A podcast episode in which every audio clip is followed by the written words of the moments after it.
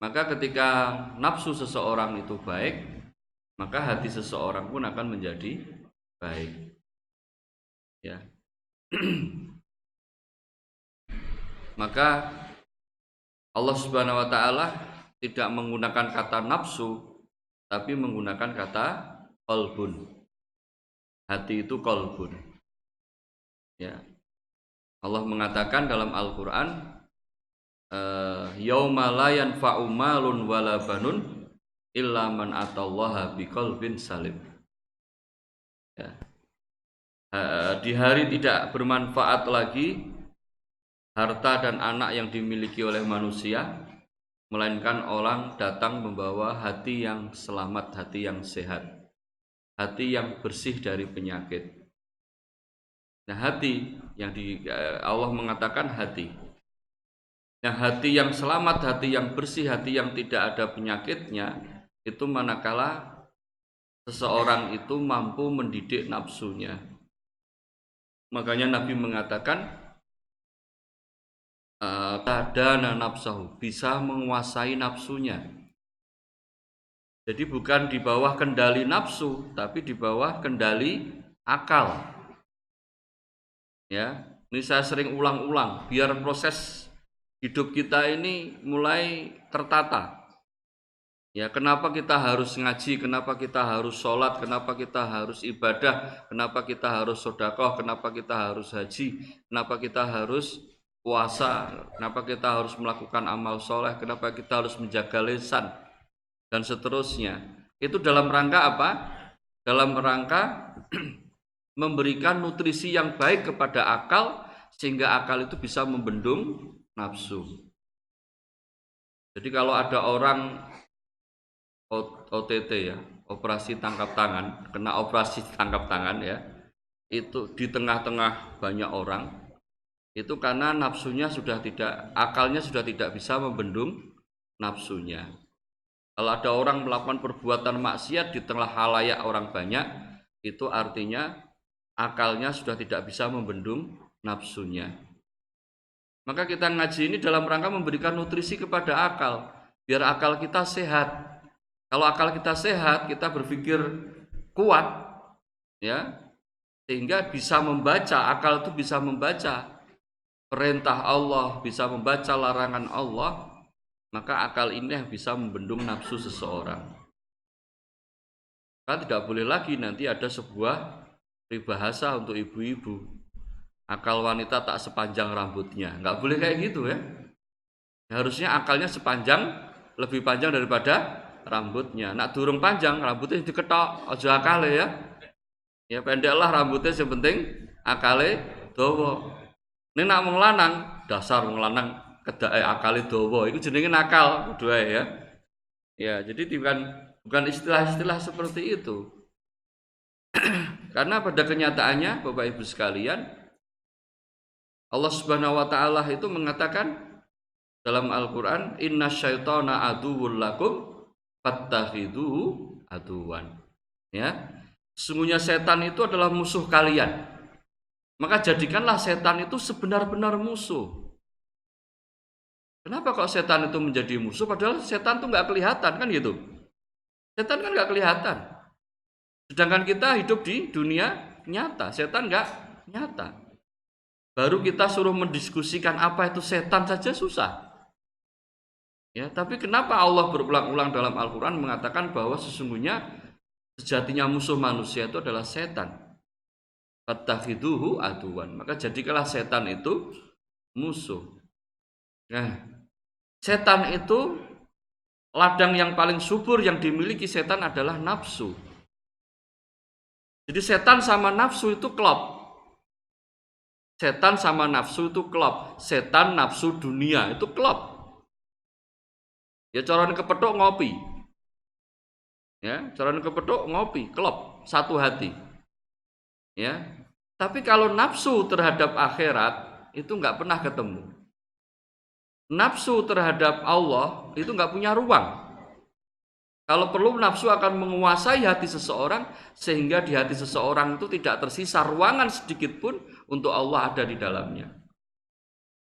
Ya, maka banyak orang itu menilai dari sisi nafsu. Segala sesuatu itu dinilai dari sisi nafsu. Ya. Maka sudah sekalian, maka dari nafsu inilah muncullah suka dan tidak suka, nyaman dan tidak nyaman. Kenapa Anda nyaman dalam sholat? Kenapa Anda khusyuk dalam sholat ketika itu? Karena nafsu Anda baru tidak liar. Kenapa Anda tidak nyaman ketika itu beribadah? Kenapa Anda tidak merasa tenang ketika itu beribadah? Padahal Anda sudah menyebut nama Allah. Karena nafsu Anda sedang liar, tidak terkendali. Nah ini akar permasalahan yang akan kita akan selalu kita bedah, akan selalu kita apa namanya kaji sehingga kita betul-betul tahu sejatinya permasalahan saya itu apa. Kenapa saya tidak nyaman mendukung dakwah ini? Kenapa saya tidak nyaman berada di rel Allah ini? Kenapa saya selalu tidak rela terhadap ketentuan dan aturan Allah? Nah, itu nanti kita akan tahu permasalahannya apa. Apakah akal kita yang lemah karena lemahnya nutrisi atau nafsu kita yang kuat karena sering kita kasih nutrisi? Kita biarkan hidup liar, kita biarkan hidup bebas sehingga nafsu itu liar.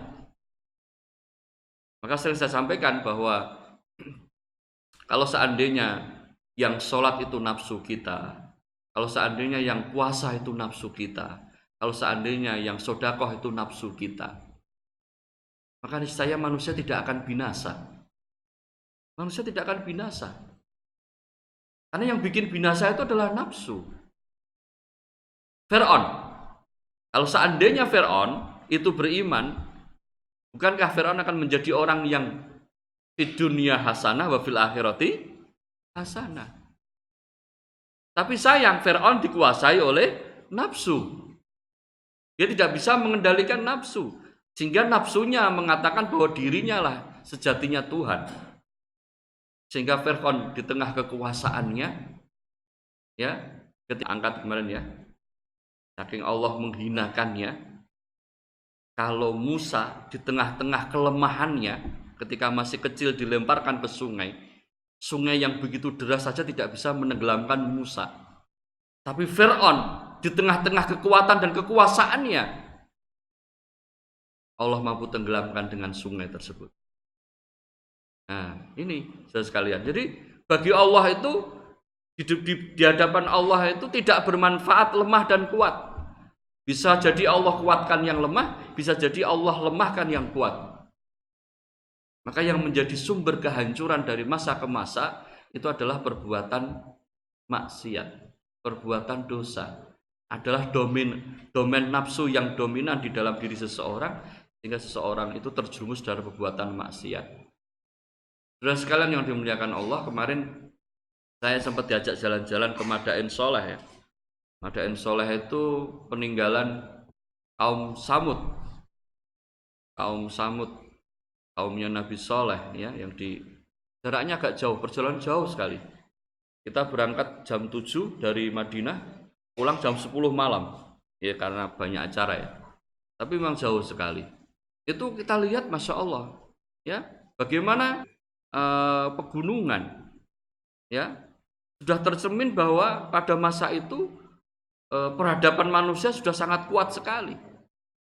Tapi karena perbuatan dosa yang dilakukan oleh kaumnya Samud, ya kaumnya Soleh, ya karena tidak iman, ketidakimanan mereka, maka Allah kirimkan angin tujuh hari, enam hari tujuh malam, angin yang disertai pasir, sehingga menenggelamkan kampung mereka.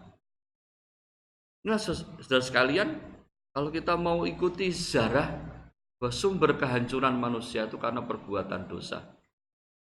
Ya, maka di sinilah peran kita ya kenapa kita harus hadir di majelis ilmu kita harus ngaji itu dalam rangka memberikan nutrisi kepada akal kita sehingga akal kita ini bisa mengendalikan nafsu Ya kalau kita ditanya siapa yang bisa mengendalikan nafsu? Diri kita. Diri kita tuh siapa gitu loh. Ya akal. Akal yang setiap hari dikasih nutrisi Al-Quran dan Sunnah. Akal yang bisa menangkap sinyal Allah dengan jelas. Tidak ada kredit sedikit pun. Ya kan? Akal yang bisa melihat yang benar adalah benar, yang salah adalah salah. Bukan jadi abu-abu, enggak. akal yang yang benar-benar uh, cara radio frekuensinya jelas ya tidak kemersek nah, bisa jadi akal kita kan masih kemersek ya ya benar apa kita ya benar nah, kita ya jadi mudah sekali melakukan perbuatan salah. Nah itu. Bapak Ibu sekalian yang dimuliakan Allah Alhamdulillah uh, pada kesempatan kali ini kemarin minggu pertama saya izin karena umroh. Ini minggu ketiga oleh panitia uh, dimohonkan izin untuk saya bisa ngisi ya. Itulah saya isi dan saya belum bisa keluar rumah karena baru dapat hadiah dari Allah. Ya oleh-oleh umroh ya. Oleh-oleh umroh aku ragu coklat ragu kurma. Saya ya coklat ya kurma ya samurat ya enggak apa-apa saya tuh manut tapi Gusti Allah rapopo gitu. Wah berarti umrohnya ora makbul. Mulai-mulai kok malah loro nah, ini tafsiran sing angel ini nafsirkan jadi tafsiran baik buruk itu susah ya nggak bisa seperti itu. Saya manut saja ya. Yang motivasi sakit alhamdulillah motivasi sehat juga alhamdulillah. Ya. Sudah sekalian yang dimuliakan Allah Kemarin kita membahas tentang muhasabah. Dan kita pada sudah pada puncak pembahasan kita bahwa muhasabah itu ada dua, ya kan? Muhasabatu nafsi itu eh, apa namanya? Muhasabah atas nafsu. Ya, menghisap nafsu. Bisa menghisap nafsu, bisa menghisap diri. Ya. Karena bahasa Arab itu juga mengatakan nafsun ya e, nafsuka bidzat itu artinya diri kamu secara fisik itu juga bisa ya maka muhasabah itu ada dua. Yang pertama adalah naun min qablil amal muhasabah yang dilakukan sebelum kita melakukan pekerjaan dan yang kedua muhasabah yang dilakukan setelah melakukan pekerjaan. Kalau di kitab Minhajul Muslim karya Abu Bakar Al-Jazairi beliau lebih mempermisalkan muhasabah itu seperti seorang pedagang hanya pedagang yang mengetahui secara detail lugi dan raba hanya pedagang dengan neracanya yang dia miliki yang dia mengetahui mana barang laku mana barang tidak laku betul seorang pedagang yang ulu yang handal dia tahu iki laku di pasar ini tidak perlu laku di pasar. Ini jangan diperbanyak jumlahnya. Usah no diadakan barangnya hanya sekedar untuk memenuhi konsumen. Kalau ini diperbanyak karena laku keras. Ini volumenya dikurangi, ini ditambah. Ini jangan nggak usah kulaan ini, bikin rugi saja. Yang ini diperbanyak.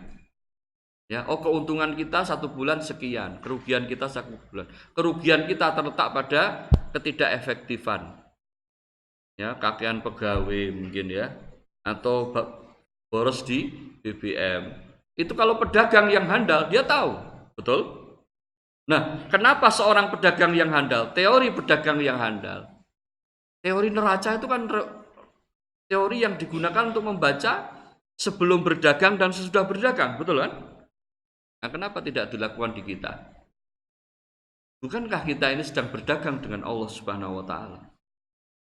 Ya hal adullukum ala tijaratin tunjikum min adzabin alim.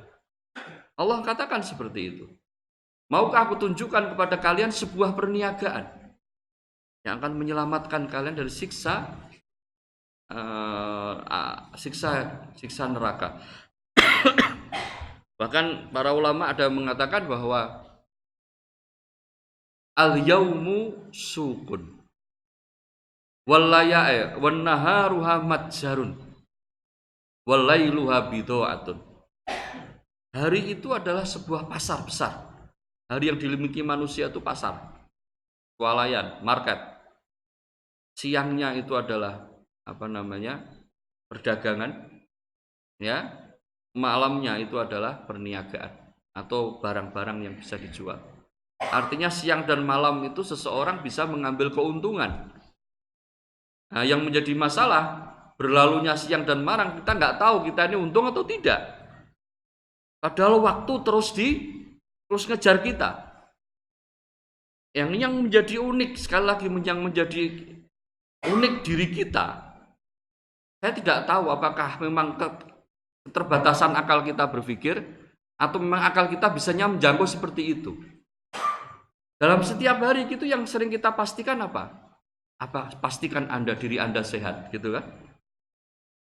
Pastikan diri Anda sehat, pastikan diri Anda sudah minum obat, pastikan diri Anda tidak dalam kondisi sakit, gitu kan? Kenapa kita nggak mestikan pastikan amalan Anda diterima oleh Allah? Pastikan Anda sedang taat kepada Allah, pastikan Anda tidak sedang bermaksiat kepada Allah. Kenapa tidak seperti itu? Ya, yang kita cari, yang kita analisa adalah usia adalah usia manusia itu sudah teru, terukur. Al mautu wahidun wa abwaha muta'addidun. Mati itu satu. Mati itu di mana-mana ada. Tapi sebab kematian itu banyak. Ya, ini yang kita masih tahu kenal ya, Pak Lis jamaah kita. Mungkin ada yang belum tahu ya. Beliau datang kadang-kadang ya. Beliau termasuk yang support dakwah saya di sekitar Randu Kuning sana ya ketua RT juga. Itu juga meninggal. Kata istrinya juga nggak sakit. Saya dikabari kaget cepat waktu masih di Mekah ya. Ya beliau meninggal. Juga nggak sakit. Mati juga. Jadi jangan membuat sebuah definisi yang aneh-aneh. Ya. Jadi seorang itu takut dengan kematian takut dengan sakit takut dengan masalah hidup. Ya, ini definisi yang aneh. Wah, seorang istri ributnya luar biasa kalau melihat suaminya sakit. Terus kalau Anda ikhtiari, Anda obati apa, Anda bisa menghalangi kematian yang akan menjemput suami Anda. Anda hanya bisa berusaha. Anda hanya bisa menyediakan obat, Anda hanya bisa mendatangkan dokter, biar kalau mati Anda nggak menyesal gitu aja. Itu perlu Anda catat betul-betul. Jangan ngelangkai kehendak Allah. Apalagi menghalangi seorang suami beramal soleh. Juga ngaji bengi-bengi ya, dan sehat. Ya. Sing ngasih, yang nggak ngaji itu penyakitan, ya. Apa sih? Apa peran seorang fisik yang gagah tapi hatinya sakit? Coba bayangin. Korupsinya kuat, betul? Bikin masalah di mana-mana. Bojone yang telecek, nong dindi, Iya kan? Itu fisik yang kuat, hatinya sakit. Maka jangan seperti itu cara berpikir. Ya. Berpikir ini yang yang yang realistis. Realistis artinya kita pengen sukses dunia akhirat kita. Maka kalau suami kita dalam ketaatan, istri kita dalam ketaatan, nggak boleh ada yang menghalanginya. Disupport, saling membantu, saling mendukung. Ya. Nah, Kembali ke muhasabah. Saya katakan hanya para eh, pedagang handal yang dia mengetahui neraca rugi laba, jumlah barang, eh, nilai barang, barang yang laku, barang yang nggak laku. Nah, saya ingin kita ini menjadi seorang pedagang yang detail dalam menghisap diri kita, bukan detail menghisap diri orang lain. Ya, saya kurang tahu ya. Nanti tolong diberitahu teman-teman yang bergerak di dunia perdagangan. Seorang pedagang itu kalau melihat pedagang yang lain itu dalam rangka kompetisi, memajukan produk, ya, meningkatkan kualitas pelayanan, atau hasad. Sukses, yang sukses ya, pedagang yang sukses. Bukan pedagang yang abal-abal ya. Pedagang abal-abal itu warungnya rapayu, si jenis payu, lu ngono dukun. Itu pedagang abal-abal. Ya, dan itu nggak lama usianya pun nggak lama pasti juga akan bangkrut orang-orang seperti itu. Ya kan? Menurut saya pedagang ketika dia melihat temennya itu bukan melihat dari sisi kenapa dia kok laku dagangnya? Gitu ya. Oh dia bagus di pelayannya pelayanannya bagus marketable-nya bagus iklannya bagus. Kenapa saya tidak bisa mencontoh seperti dia ini pedagang yang sukses, makanya ada pelatihan-pelatihan entrepreneur gitu kan. Dalam rangka apa? Mengikuti orang-orang yang mendahului dalam kesuksesan. Nah kalau dalam beramal soleh boleh seperti itu. Masih ingat cerita Ashabul Dusur? Dahab. Ya, karena mereka mengatakan ya Rasulullah dahaba as ahlud dusur bil ujur. Ya, mereka sahabat-sahabatmu yang kaya itu mereka pergi membawa pahala yang banyak karena sodakoh mereka. Tidakkah engkau mengajari kepada kami, orang-orang yang miskin ini, satu ajaran yang bisa kita pegang dan pahalanya bisa menyerupai mereka? Jawabnya Nabi apa? Ya, kalau kamu bangun tidur maka bacalah subhanallah. Eh, habis sholat, sorry. Kalau kamu habis sholat, bacalah subhanallah 33 kali, alhamdulillah 33 kali, Allahu Akbar 33 kali. Kurang lebihnya seperti itu ya. Ya. Nah maka itu diamalkan. Senang mereka bahagia. Tapi namanya ajaran Nabi lambat laun pun akan didengar. Akhirnya sahabat-sahabat yang kaya pun melakukan seperti apa yang dilakukan oleh sahabat-sahabat yang miskin. Ah mereka datang lagi ke Nabi. Ya bagaimana nih Rasulullah? Mereka juga melakukan apa yang kita lakukan jawabnya Nabi apa ada min fadli Rabbi ya udah itu keutamaan dari Allah sudah orang punya punya keutamaan masing-masing. Nah, yang saya lihat Bapak Ibu sekalian, di masa Nabi itu kompetisinya kompetisi amal soleh. Bukan kompetisi, oh ikut di mobil apa, omai piye. Orang nggak kayak gitu. Itu kompetisi yang bikin sakit hati. Kalau zaman Nabi itu enggak. Sampai ada nggak sahabat yang izin perang karena usianya belum cukup. Kemudian oleh Nabi, wes kamu gelutan dulu yang menang melok perang, iya kan? Iya. Akhirnya yang kalah nangis guru-guru mulai. Karena nggak boleh ikut perang. Ada sahabat juga yang nggak diizinkan Nabi oleh perang nangis. Iya kan? Jadi kalau zaman Nabi, sahabat tidak bisa ikut serta, tidak bisa bersaham dalam amal soleh. Mereka menyesal. Mereka menangis. Nah kalau kita kan kalau bisa lari dari amal soleh kan ya, oh amal kan disembunyikan saja biar orang nggak kelihatan kan gitu. Ya ya boleh seperti itu. Boleh kita juga tampakkan dalam rangka untuk es, apa ezah Islam ya. Jadi, itu semua eh, tergantung diri kita. Pasnya kita itu kayak apa gitu ya. Yang tahu diri kita karena yang bisa mengukur anda ikhlas atau tidak itu ya diri kita karena kita ini seorang pedagang. Ya. Maka di sini aman naul awal, adapun macam yang pertama, artinya muhasabah sebelum beramal. Bahwa ayakifa inda awali hammihi wa iradatihi wa la yubadir bil amal hatta yatabayyana lahu rujhanuhu ala tarkihi. Muhasabah sebelum beramal itu seorang berhenti sejenak ya. Di awal dia mau melakukan sebuah amalan ya. Dan dia tidak menyegerakan melakukan sesuatu itu sampai jelas amalan ini saya peruntukkan untuk Allah atau tidak. Ini pun ada jeglongannya Bapak Ibu sekalian. Jenengan mau ngaji baru keluar rumah. Terus jenengan mau menghisap wah ngajiku karena Gusti Allah apa karena sapa ya? Ya terus tiba-tiba terbayang ya wah aku nara ngaji enak bisa sedikit. Ah mulai ya. Gitu kan?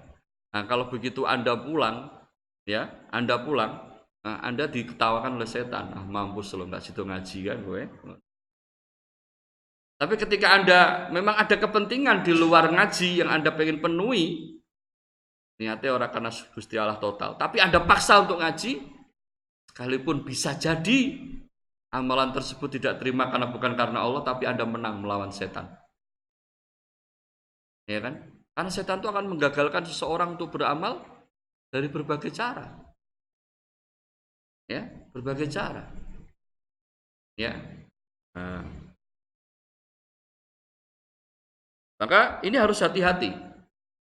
Muhasabah yang tipe yang pertama ini bukan berarti kita akhirnya tidak tidak melakukan sesuatu tidak atau lambat melakukan sesuatu tidak ya Tapi kita harus memastikan bahwa amalan yang kita lakukan karena Allah.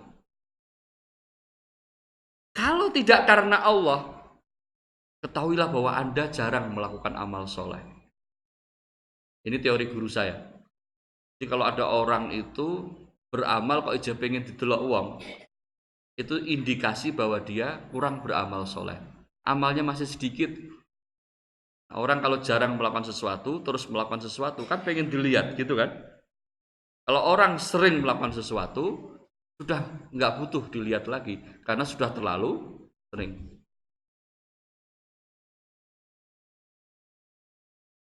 Ya.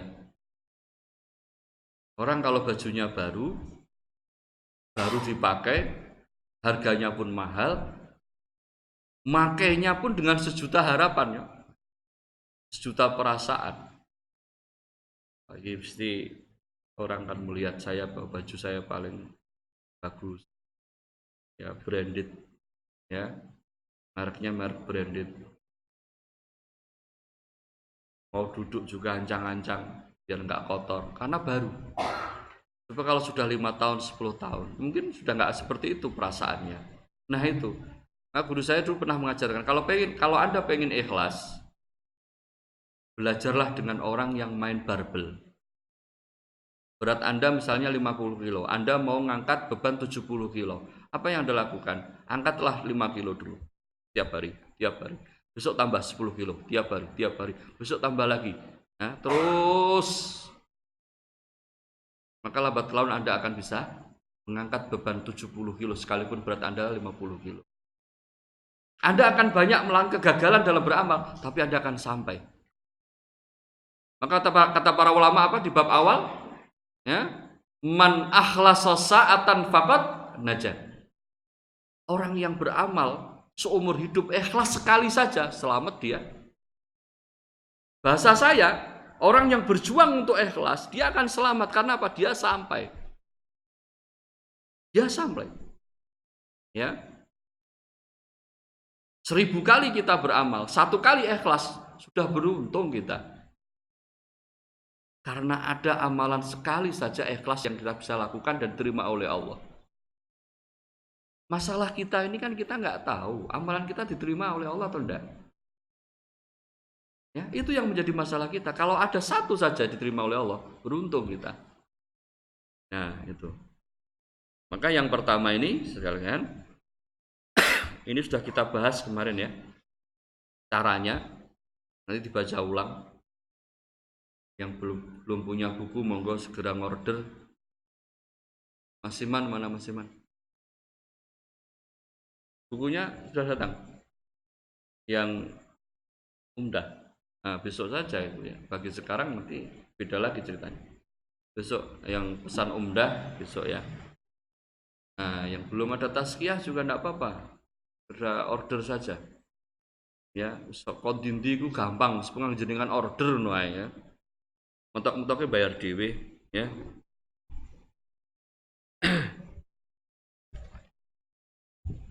Bapak Ibu sekalian yang dimuliakan Allah, ini yang kedua. Muhasabah yang kedua itu muhasabatun nafsi ba'dal amal.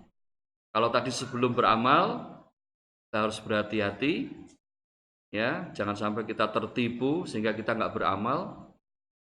Ya, lakukanlah hal tersebut sesering mungkin apalagi ber, ada unsur melawan setan lakukan sekalipun bisa jadi gagal sampai anda benar-benar uh, ikhlas sampai anda benar-benar tidak merasa punya apa-apa dengan amalan tersebut. Nah itu. Nanti nilai akumulasi amal itu ada pada diri kita. Karena apa? Amal itu akan membersihkan nafsu. Amal itu akan mendidik nafsu. Ya. Sehingga kalau nafsunya sudah baik, kita pun beribadah nyaman, kita pun uh, sholat nyaman ya, dan seterusnya. Nah, macam yang kedua muhasab, muhasabatu nafsi adalah amal. Kita menghisap diri kita sudah beramal. Dan itu ada tiga macam. Bentuknya ada tiga macam. Yang pertama, muhasabatuha ala ta'atin kusirat fiha min, min ta'ala kita menghisap ya amal kita di atas ketaatan artinya apa kita memastikan bahwa kita sedang melakukan ketaatan ketaatan yang dibatasi dengan hak Allah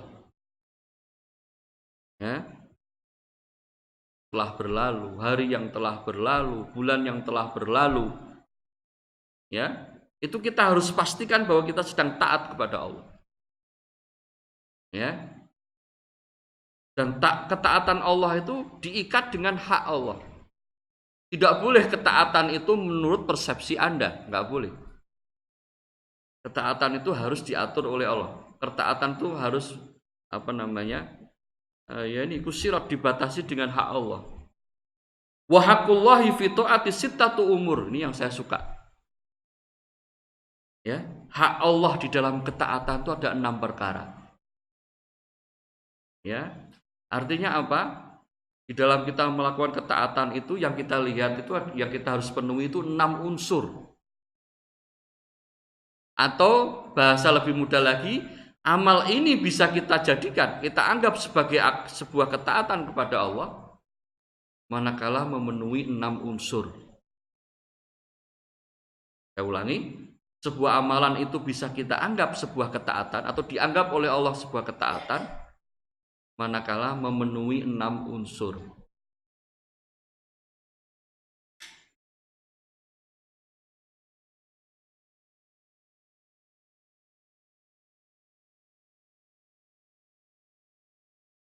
Unsur yang pertama adalah ikhlasu fil amal. Ikhlas. Jadi kebaikan apa saja yang kita lakukan, amal soleh apa saja yang kita lakukan, kalau tidak didasari keikhlasan, tidak akan diterima oleh Allah. Man amila amalan. Eh, sorry. Eh, faman kana yarju liqa'a rabbih falyamal amalan solihan wala yusrik bi ibadati rabbih ahadan. Barang siapa orang yang berharap untuk bertemu kepada Allah. Ya, Bapak Ibu sekalian, kalau kita ingin bertemu dengan Allah nanti, pertemuan manusia dengan Allah itu di mana? Di mana? Di mana? Hanya di surga. Hanya di surga. Jadi ada jangan bayangkan nanti kalau kita mati ketemu dengan Allah. Enggak, belum tentu. Ya semoga ketemu Allah. Tapi ada yang Allah nggak nggak mau menemui manusia tuh ada. Siapa mereka? Nggak mau menemui penghuni neraka Allah itu. Allah hanya temui penghuni surga saja.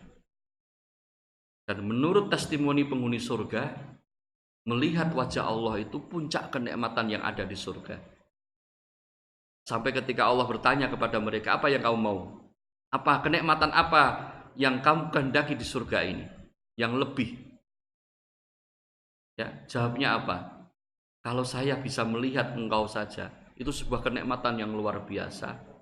Maka kalau engkau tanya kenikmatan apa yang kau lihat, berikan saya kesempatan untuk hidup di dunia lagi dan saya berjuang memperjuangkan agama Allah lagi sehingga saya mati di jalan engkau dan saya bisa melihat kamu lagi. Keinginan untuk bisa melihat Allah yang kesekian kalinya. Ya, maka kalau Allah mengatakan faman kana yarju liqa'a rabbih barang siapa orang yang berharap bertemu dengan Allah apa yang dia lakukan fal ya'mal amalan solihan maka hendaknya dia harus melakukan amal soleh artinya pak ittiba kepada Nabi mengikuti sunnah Nabi harus sesuai dengan apa yang dicontohkan oleh Nabi amal itu bukan beragama itu bukan kepuasan Beragama itu ketaatan. Makin taat kita kepada Allah, makin taat kepada Rasul, maka itulah hakikat beragama. Ikhlas fil amal. Yang kedua adalah wa nasihatulillah. Menjadikan Allah sebagai orientasi utama. Ad-dinun nasihah Kata Rasulullah SAW, agama itu nasihat. Kul naliman ya Rasulullah, kata sahabat. Untuk siapa agama ini? Nasihat ini ya Rasulullah. Dijawab oleh Nabi, lillahi. Pertama, nasihat agama ini untuk nasihat agama ini untuk Allah. Para sahabat pun bertanya, bagaimana kita Allah eh, menjadikan agama yang nasihat ini untuk Allah? Bagaimana itu terjadi? Dijawab oleh Nabi, hendaknya kau taat kepada Allah Subhanahu wa taala. Ya, ala inna himallahi maharimahu. Ketahuilah bahwa batasan-batasan Allah itu yang diharamkan. Kalau Anda ingin menjaga Allah, maka jagalah batasan-batasan wilayah yang Allah sudah tentukan, yaitu hal yang diharamkan. Ya. Hendaknya menjadikan Allah sebagai pusat orientasi pertama. Kalau saya bahasakan seperti itu. Ya, apa yang Allah tetapkan kita sami'na wa atokna apa yang Allah kehendaki kita ikhlas ya bahasa saya tadi ya umroh ku oleh-oleh aku tuh kurma ambi ambi ambi coklat. Oleh-oleh mati ki untuk kok. Orang masalah. Kemarin yang saya agak menegangkan saya gitu ya. Selesai orang sudah habis habis sa'i ya udah usia 70-an ya. Saya potong rambutnya. Saya doakan Allah merham hal apa mukassirin ya gitu. Pun mbah pun jenengan sudah selesai. Nanti bisa ganti baju di hotel nggih. Nggih Pak Ustad dia nyandar gini. Tiba-tiba bludak jatuh. Grok grok. Wah wassalam mungkin aku aduh ya Allah ya Allah. Ketempoan ketempoan aku yang ngono. Saya lihat itu bingung karena bagi saya ini orang hanya hitungan detik mati ini orang sudah. Dan nafasnya nyengal-nyengal gitu. Saya mau ikut sibuk banyak orang yang sibuk. Saya bingung mau ngomong dengan siapa. Akhirnya aku polisi tak cekel ada. Apa namanya? Doruri doruri teror saya katakan gitu. Ini bahaya ini emergency. Kamu telepon. Lihat. Uh, mana nggak apa-apa itu cuma tidur. Tidur gimana itu jelas kalau sudah ini apa namanya korib menal maut saya gitu. Akhirnya telepon emergency. Lalai emergency mana? Masjidil Haram. Suwine pol lambatnya pol. Tobat tobat ya darul masak lah emang belum saatnya mati menurut saya kan gitu ya. Ya kan? Ada perempuan dua satu cadaran satu biasa. Itu dengan sigap dia apa istilah mengambil nafas kayak ditekan dadanya gitu sambil ngomong bapak bapak bapak bangun bapak kan gitu. Orang Jawa dia. Nyata orang Filipin. Saya mau larang ada orang laki-laki bilang biarkan dia dokter. Oh, udah biar. Untuk penanganan pertama sambil diajak ngobrol ditekan terus ditekan terus. Terus selang berapa? Lima menit atau berapa baru diomongi. Bah bah gih nopo sih dirauske mbak? Dodo pulau sakit. Nah kesadaran ya masih ditekan terus masih ditekan terus. Begitu tidur jangan tidur mbak jangan tidur mbak jangan mbak apa yang dirasakan? Disakit nah, akhirnya terus medis datang saya bawa ke rumah sakit itu jam 2 malam itu. Pemeriksaan pemeriksaan sampai jam 3 hasil labnya apa? Serangan jantung. Iya pak. Ya kan? Ya, belum saatnya mati gitu loh. Ya yang tidur di kamar orang tangi itu ya berah gitu loh. Sing gawat seperti tadi itu ya ada.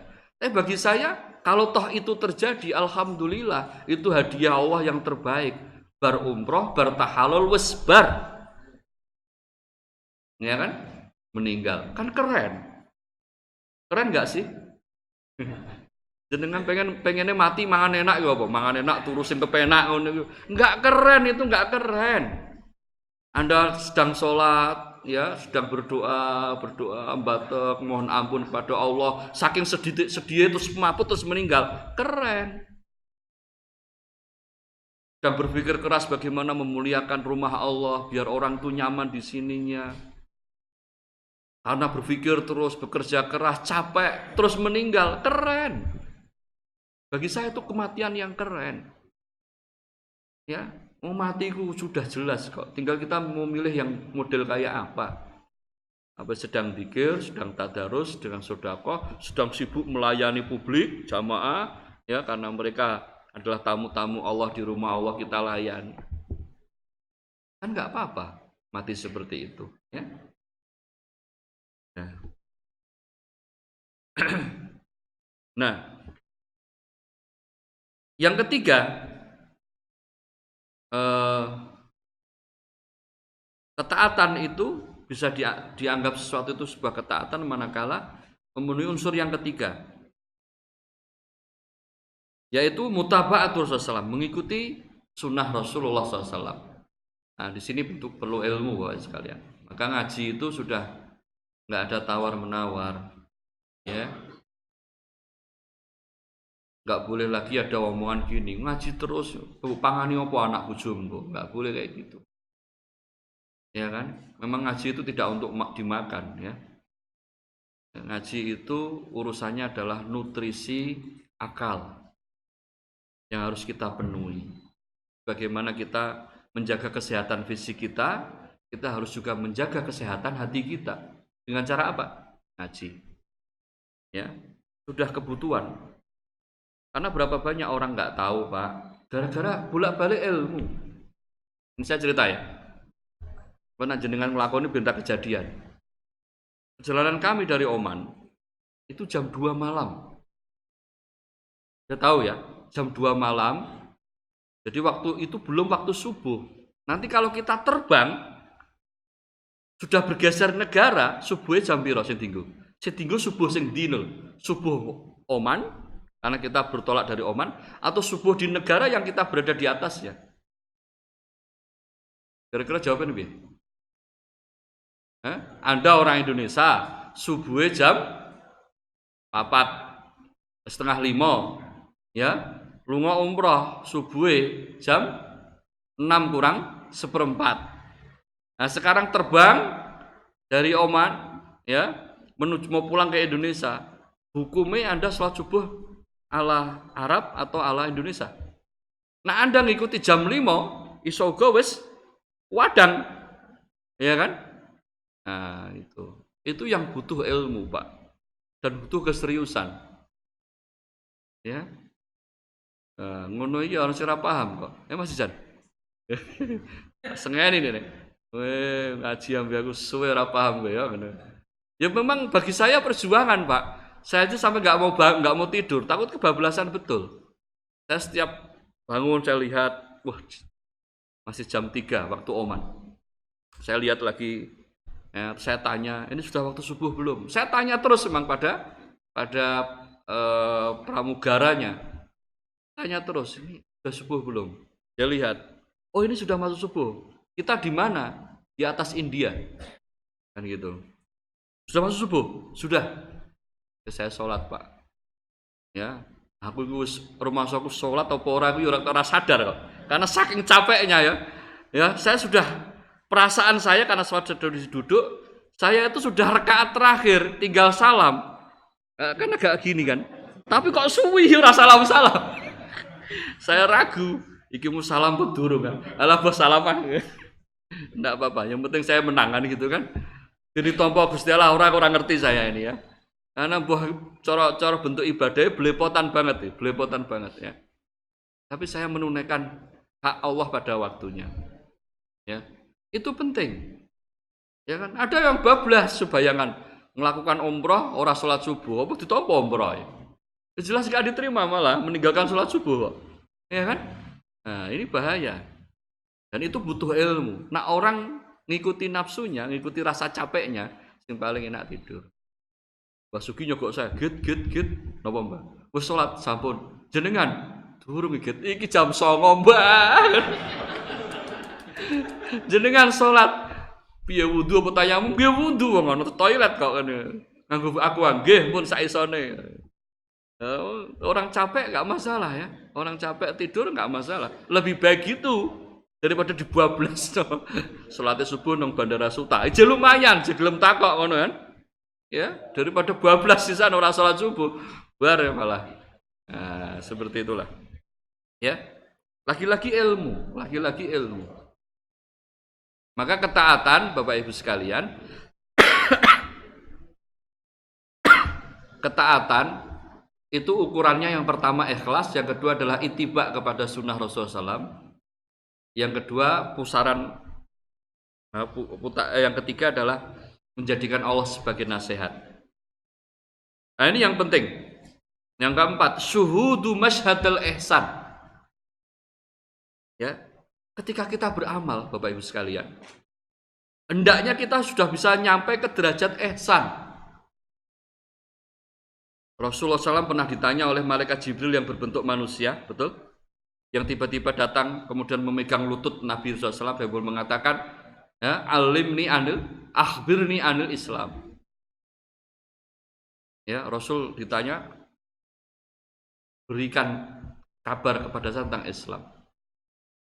Ya, Rasul menjawab tentang rukun Islam.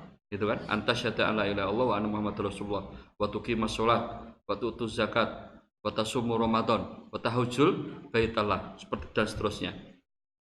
Kemudian akhbir sodakta kata orang semua, sodakta benar kamu. Akhbirni anil iman. Kemudian Rasul ditanya lagi. Ini para sahabat ya heran, orang ini bertanya tapi membenarkan, kayak ngetes. Ya. Beritahu saya tentang eh, apa namanya? Is, i- iman. Maka Rasul menjawab antuk minabillah. Ya. Antuk minabillah. Antuk minabil qadari khairihi wa syarrihi. Ya. Hendaknya kamu beriman dengan Allah, ya, dan malaikatnya dan rasulnya dan kitab-kitabnya dan hendaknya kamu beriman dengan kodok Allah baik maupun buruk. Jadi Bapak Ibu sekalian harus paham, jangan takdir Allah baik saja yang diterima dengan senang hati. Takdir Allah buruk juga harus diterima dengan senang hati. Ya. Dan tidak boleh salah menafsiri takdir juga. Beda antara ikhlas menerima takdir Allah dengan putus asa. Putus asa haram. Menerima takdir Allah itu sebuah kewajiban. Jadi harus kita bedakan mana putus asa, mana ikhlas menerima takdir Allah. Nah, seperti itu. Kemudian kata malaikat tadi sodakta, benar kamu. Kemudian Rasul ditanya lagi, akhbirni anil ihsan. Apa itu ihsan?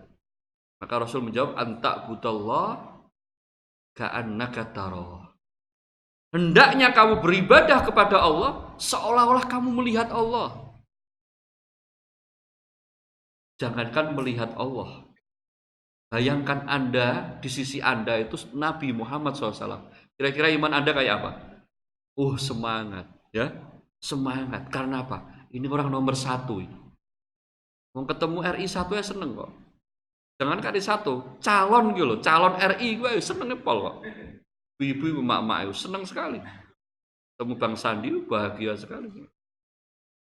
Katanya ada protes ini. Bapak-bapak protes sama Bang Sandi. Kami cemburu karena emak-emak simpati kepada Bang Sandi. Wujud kecemburuan kita, maka kita akan ro, kita akan tidak akan robek muka-muka muka Bang Sandi. Nanti yang Pak Jokowi dibiarkan utuh dalam rangka menghormati. Nah, itu tweetan ya, tweetan orang omongan dulu ya. Ya. Jadi apa namanya?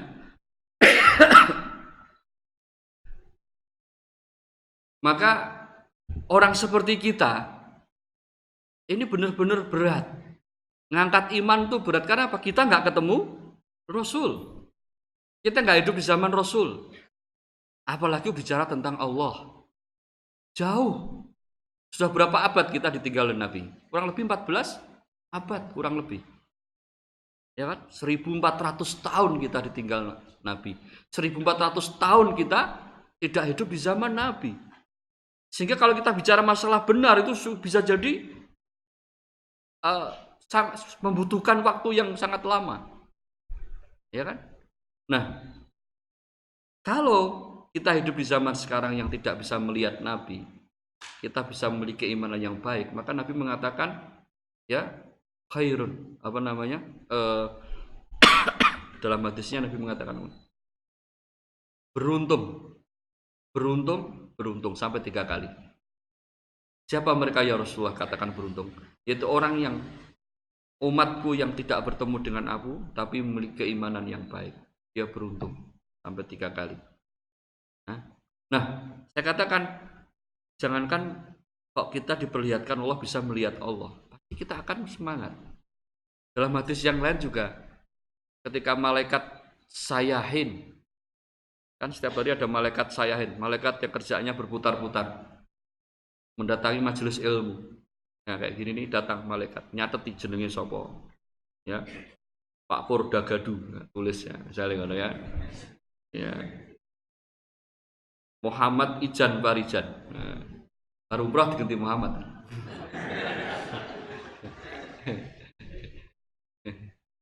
Mau tak ganti Said gak gelem nih Muhammad ya.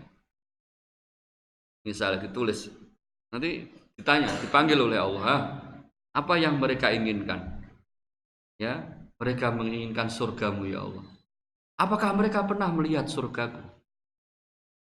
Ya apakah mereka uh, uh, pertama uh, ya surgaku belum pernah bagaimana kalau seandainya mereka melihat surgaku mereka akan lebih semangat lagi untuk mendatangi majelis ilmu apalagi yang diinginkan mereka ingin ampunanmu apakah mereka pernah melihat aku Jawabnya tidak pernah. Bagaimana kalau seandainya mereka melihat aku? Pasti dia lebih semangat lagi untuk melakukan. Aku lebih mudah. Maka ihsan ini derajat yang tertinggi dalam Islam. Orang itu pertama Islam, naik sidik iman, terus ihsan. Ya, tangganya seperti itu. Maka kalau orang sudah ihsan, antak budaka annaka tarah. Antak budallah, engkau menyembah Allah, engkau beribadah Allah, seolah-olah engkau melihat Allah. Artinya apa? Sudah tidak ada yang ditoleh lagi, yang dituju hanya Allah. Yang diharapkan, yang diikuti, eh, yang diinginkan, yang dimaksud itu hanya Allah. Yang lain enggak.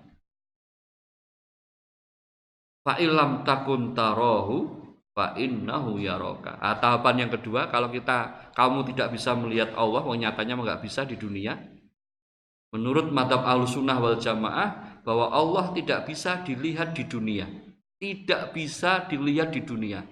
Itu sepakat ulama ahlu sunnah wal jamaah. Jadi kalau ada orang mengaku melihat Allah itu setan. Hasan Habasri suatu saat beribadah, kemudian ada cahaya putih di atasnya. Dia mengatakan, "Man anta?" Ana rabbuka. Tuh, cahaya putih ngomong ngono, "Ana rabbuka." Saya Tuhanmu. Apa jawab Hasan Habasri? "Ruh anta syaitan." Pergi kan gitu ya engkau terus bisa mengobati penyakit ya nah? ya. jadi uh, saudara sekalian ka'anna taroh fa'ilam takun tarohu dan jikalau engkau tidak bisa melihat Allah dan tidak akan bisa melihat Allah Nabi Musa ketika kaumnya ya ya meminta kepada Nabi Musa ya untuk bisa melihat Allah Ya. Kan Allah tampakkan dengan cahaya putih kemudian Allah matikan semua Bani Israel. Nabi Muhammad juga ketika Mi'raj ke langit tujuh kemudian berdialog mendapat perintah dari Allah melakukan melakukan sholat ditanya oleh Aisyah hal taro robbaka apakah engkau melihat Allah wahai suamiku jawabnya nurun anna hajabatku cahaya putih yang menutupi mata. Saya nggak bisa melihat. Artinya apa? Allah tidak bisa dilihat di dunia. Nah, maksudnya apa ihsan ini? Anta abudallah ka anaka Memang fokus amal kita, fokus ibadah kita hanya Allah, nggak ada yang lain. Fa'ilam takun tarahu, seandainya kamu tidak bisa melihat, ketahui ya, yakini Allah melihat kita, itu pasti. Jadi kalau kita beribadah, orang lain nggak melihat, Allah melihat. Cuman perasaan ini kan berbicara. Nak sing delok Gusti Allah kira mantep. Nak sing delok menungso ya mantep ngono. Jadi semangat, jadi keringetan gitu kan. Karena yang lihat manusia. Tapi kalau yang lihat Allah itu seolah-olah nggak ada apa-apanya. Tor bikin badan tidak keringetan, tidak ndrodok gitu loh. Makanya Allah tegaskan dalam Al-Quran, yastahfuna minan nas wala yastahfuna minallah. Mereka itu malu kepada manusia, tapi mereka gak pernah malu pada Allah. Ya kan? Inilah perasaan, cara berpikir atau nafsu manusia itu senantiasa seperti itu. Kalau beramal kepada Allah seolah-olah tidak ada apa-apanya. Tapi kalau beramal karena manusia seolah-olah sesuatu banget. Ya, maka merugilah atau beruntunglah orang-orang yang eh, bisa mengikhlaskan amalan karena Allah. Itu ihsan. Jadi kriteria ketaatan yang keempat, amalan tersebut dianggap ketaatan pada Allah ketika dia bisa menyaksikan ihsan. Mengamalkan ini dasarnya ihsan. Ya, sudah nggak butuh siapa-siapa lagi. Ya. Ah, yang ketik, yang kelima ini yang menarik, suhudu minnati min, minatillahi alaih. Minnatullahi alaih. Menyaksikan bahwa setiap amalan yang dia lakukan, ketaatan yang dia lakukan, semuanya itu anugerah Allah.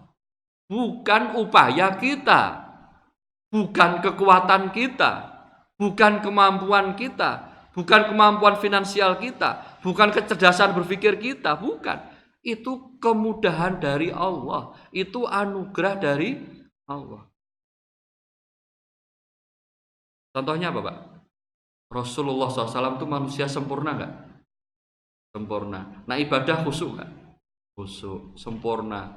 Ya, karena beliau adalah orang yang memang Allah pilih.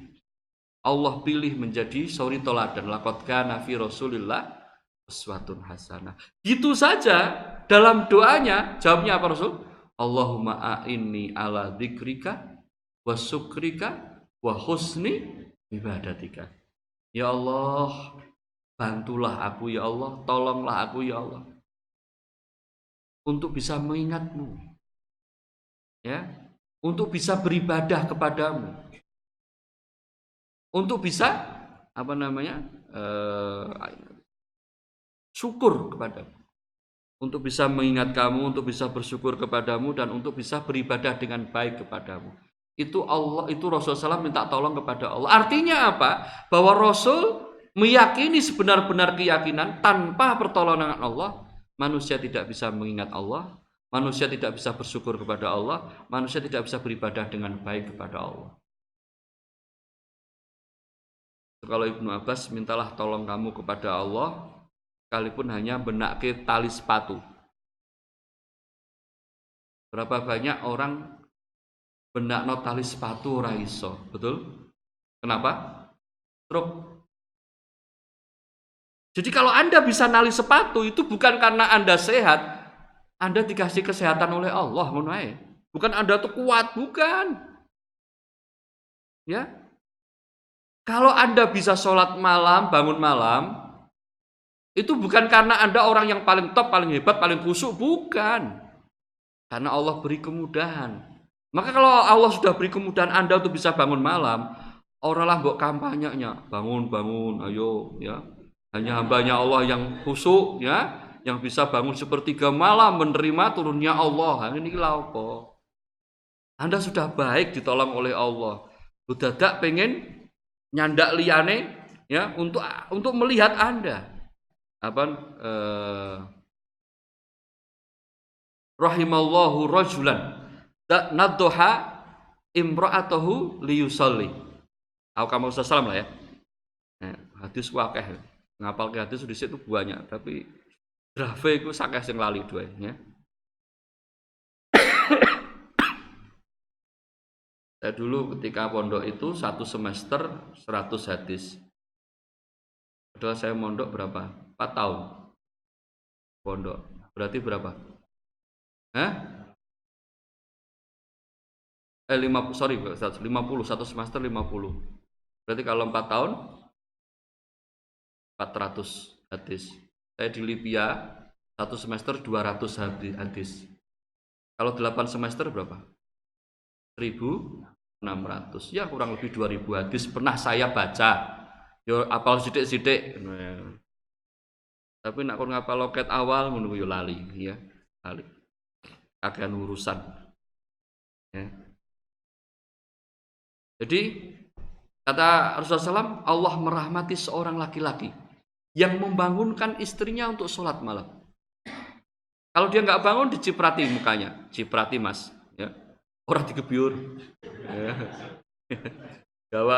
Apa gayung gebyur, eh sunah nabi sunah nabi. Ya. ya kan. Demikian juga Allah merahmati seorang wanita yang membangunkan suaminya untuk sholat. Ini benar pak. bangunkan dulu keluarga Anda. Kalau memang itu sebuah kesepakatan, karena kadang beramal soleh ini kalau nggak berjamaah agak susah ya, membuat komunitas sholat malam, tidak apa-apa. Itu pure murni itu hanya membangunkan, bukan sedang pamer amal. Yang kita lakukan itu bukan karya kita, tapi karya Allah. Sering saya membahasakan, kalau kita mampu mendidik anak kita, itu bukan karena kita pandai mendidik, bukan. Karena Allah toh tolong. Kalau Anda mengatakan saya pandai mendidik, lebih pintar mana Anda dengan Nabi Nuh? Ayo jawab. Lebih pintar mana? Kalau Anda ngomong lebih pintar Anda, saya akan obatkan Anda sebagai nabi setelah Nabi Nuh. Nah, oh no. Iya. Jadi kalau Anda berhasil mendidik anaknya apa-apa, itu bukan karena kemampuan Anda. Tapi Allah beri kemudahan kepada Anda mendidik anak-anak Anda. Maka jangan bersedih kalau orang baru diuji, didik anaknya susah aja sedih. Karena itu bagian dari ujian dari Allah. Kan gitu. Harusnya berpikir. Kalau Anda bisa ikhlas, itu bukan karena kemampuan Anda beramal dengan ikhlas. Tapi Allah beri kemampuan Anda untuk bisa ikhlas. Berapa banyak orang itu beramal susah untuk ikhlas. Ya kan? Nah, suhudul minat minallah ini akan mengeluarkan kita dari karakter-karakter korun. Karakter-karakter Fir'aun. Korun ketika suruh sodako jawabnya apa? Innama utitu min indi. Pak enak men, saya suruh sodako. Harta yang saya cari ini hasil jerih payah saya. Ya kan? Nah, itu namanya ketidakmampuan seseorang untuk menyaksikan bahwa apa yang dia lakukan itu pertolongan dari Allah. Ada kalimat yang menarik dalam Al-Quran Bapak Ibu sekalian. Saya sering ulangi. Apa? Ya, ketika setan bersumpah kepada Allah. Ya, la nahum ajmain. Ya, aku bawa lebokno neraka ora masalah. Aku masukkan neraka selama-lamanya ndak apa-apa. Tapi beri saya kesempatan untuk hidup, jangan kau saya. Yang pertama itu. Untuk apa? La ughawiyannahum ajmain. Saya akan sesatkan seluruh manusia. Semuanya, semuanya manusia akan saya bawa ke dalam neraka. Semuanya untuk nemui saya. Jawabnya iblis. Sumpahnya iblis di hadapan Allah. Enggak main-main ini. Iblis melanjutkan apa? Illa ibadaka minhum mukhlasin. Kecuali hambamu yang engkau beri keikhlasan. Perhatikan kecuali hambamu yang engkau beri keikhlasan. Bukan illa ibadah kami mukhlisin, bukan. Mukhlasin. Kecuali hambamu yang engkau beri keikhlasan. Ya. Luwih enak dikai apa? Luwih gampang dikai apa golek? Hah? Nah, luwih gampang dikai daripada golek. Jenengan kalau latihan ikhlas, urung mesti ikhlas, betul? Tapi nanti kayak Gusti Allah ikhlas gampang ikhlas minta kepada Allah. Suhudul minnah ini penting. Ini yang nggak kita sadari kadang. Pokoknya ini Pak Ali yang sering diskusi dengan saya. Saat manajemen zero kalau diprofesionalkan bisa nggak? Bisa Pak. Tapi satu yang bisa hilang. Suhudun minatun minallah. Itu yang akan hilang nanti. Ya, yang lainnya bisa dikondisikan. Tapi suhudun minatun minallah akan hilang. Karena saya sering saya mengatakan bahwa semuanya ini terjadi karena Allah. Apa ada saya pernah membani nih, ayo jenengan dua urunan nanti buat masa hari ahad, ayo sekarang dua urun. Apakah pernah segitu? Enggak pernah. Allah yang gerakkan hambanya, Allah yang gerakkan hati hambanya, Allah yang jamu kita semua ini. Ketika kita punya niatan muliakan para tamu Allah, Allah gerakkan manusia sendiri. Untuk apa? Untuk menjamu, untuk memuliakan para tamu Allah. Artinya bagi saya pribadi saya akan mengatakan iki ora karyane Sigit. Iki ora karyane Takmir. Iki murni adalah apa namanya? pertolongan dari Allah Subhanahu wa taala. Itu murni adalah karya Allah Subhanahu wa taala. Kita ini nggak mampu apa-apa. Nah, perasaan ini yang saya pengen tumbuhkan. Sehingga nggak ada orang mengatakan, oh ini berkat saya, ini karena saya. Oh enggak, karena siapa? Ya kan? Nah ini yang susah Pak. Suhudun minatun minallah. Nah, kalau kita belum bisa sampai ke situ, berat. Kalau Anda beragama sudah sudah sampai kelasnya suhudun minatun minallah, pikiran Anda ringan, ya, Anda nggak begitu lelah. Ya, berapa banyak orang belajar ikhlas nggak bisa ikhlas-ikhlas sampai mati. Tapi kalau Anda memohon kepada Allah, Allah ma'aini ala dikrika wa syukrika wa husni. Allahumma nas'alukal ikhlas ya Allah. Nas'alukal ridho. Perhatikan doa Nabi. Doa Nabi, Allahumma nas'alukal ridho ba'dal qadha. Ya Allah, saya memohon kepadamu ridho, ridho ya Allah. Apa saja yang kau tetapkan kepada saya, saya, saya mohon kepadamu agar saya beri keridhaan. Rasul masih terus memohon kepada Allah keikhlasan, memohon bisa beribadah dengan baik, bisa bersyukur, memohon kepada Allah agar bisa ikhlas dalam menerima takdir Allah.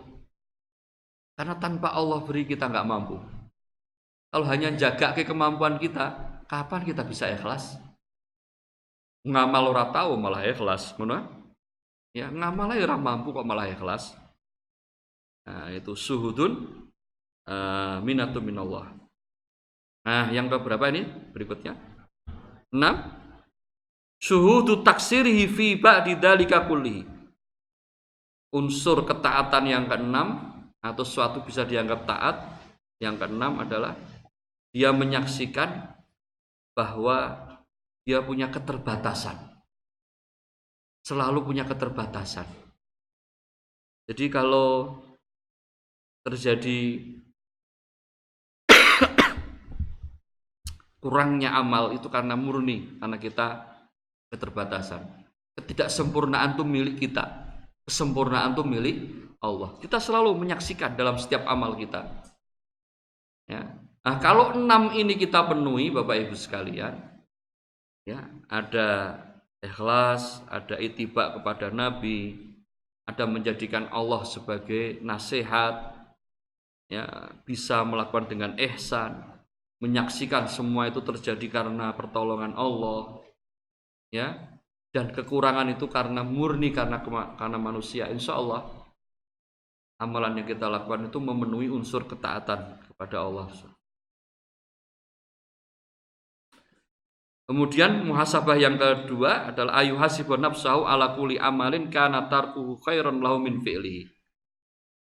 Ya, itu kan yang pertama kan muhasabah ketaatan, yang kedua adalah menghisap dirinya terhadap amalan yang semestinya memang lebih baik ditinggalkan daripada dilakukan. Kenapa saya harus tinggalkan? Apakah saya tinggalkan lebih baik atau saya lakukan? Itu perlu dihisap. Ya. Ya, Kenapa saya kemarin meninggalkan amalan? Apakah saya meninggalkan amal itu baik atau karena saya rosor-rosor? Nah, ini Pak. Khutbah Jumat Imam Masjidil Haram kemarin terakhir bagus sekali. Cara masa tazkiyatun nufus. Belum mengatakan wal abdu kawi'ain. Seorang hamba itu seperti bejana. Ya. Dan nilai bejana itu tergantung isinya. Bejananya bagus, bejananya bagus. Isinya bangkai tikus, bangkai kecoa, bangkai curut, bangkai kelinci, bangkai. Kira-kira Anda mau dekat nggak? Enggak mau. Ada tempolong ngono nak yang isine emas permata. Jenengan ambil nggak? Ah, itu. Jadi jangan bicara tentang casing bicara isinya apa. Dan manusia itu harus berusaha dengan keras, berusaha dengan maksimal mungkin untuk mengisi bejana ini dengan isi yang terbaik.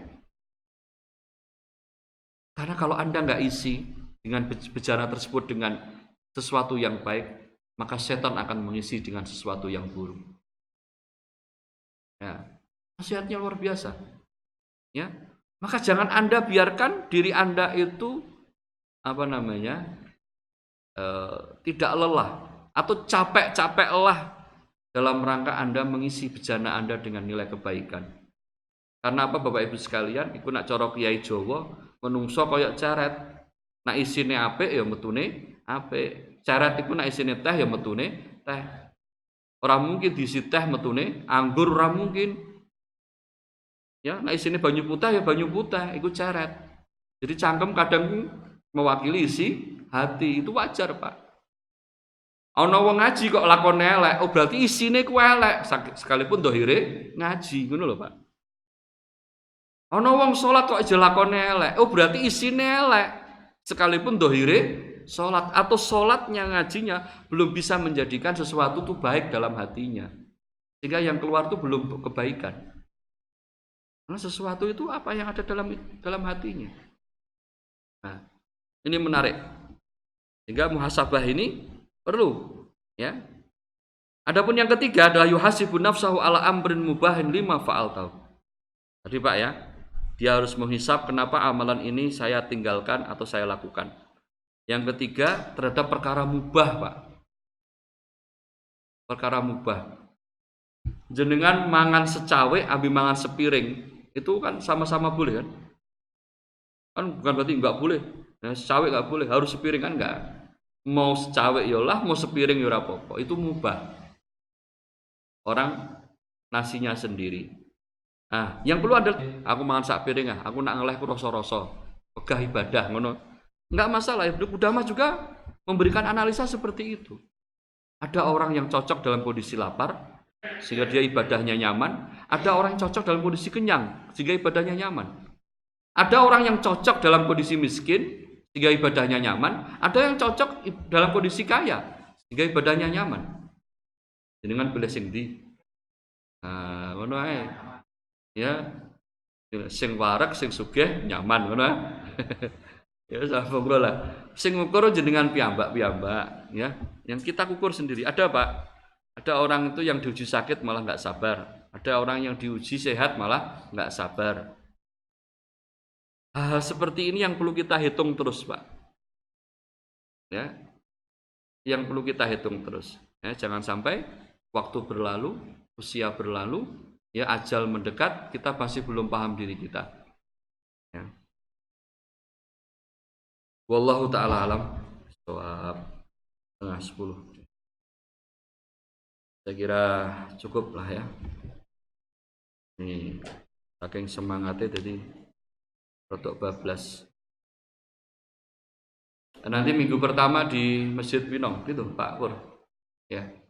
Jadi kajian ini sekali lagi panitianya teman-teman Winong ya minggu pertama di Masjid Baitur Rahim Minong, minggu ketiga sementara di sini ya. Ini belum kita carikan tempat yang pas ya. Tapi kalau seandainya di sini sudah pas ya sudah di sini aja nggak apa-apa. Subhanakallahumma wa bihamdika asyhadu an la ilaha anta astaghfiruka wa atubu ilaik. Assalamualaikum warahmatullahi wabarakatuh.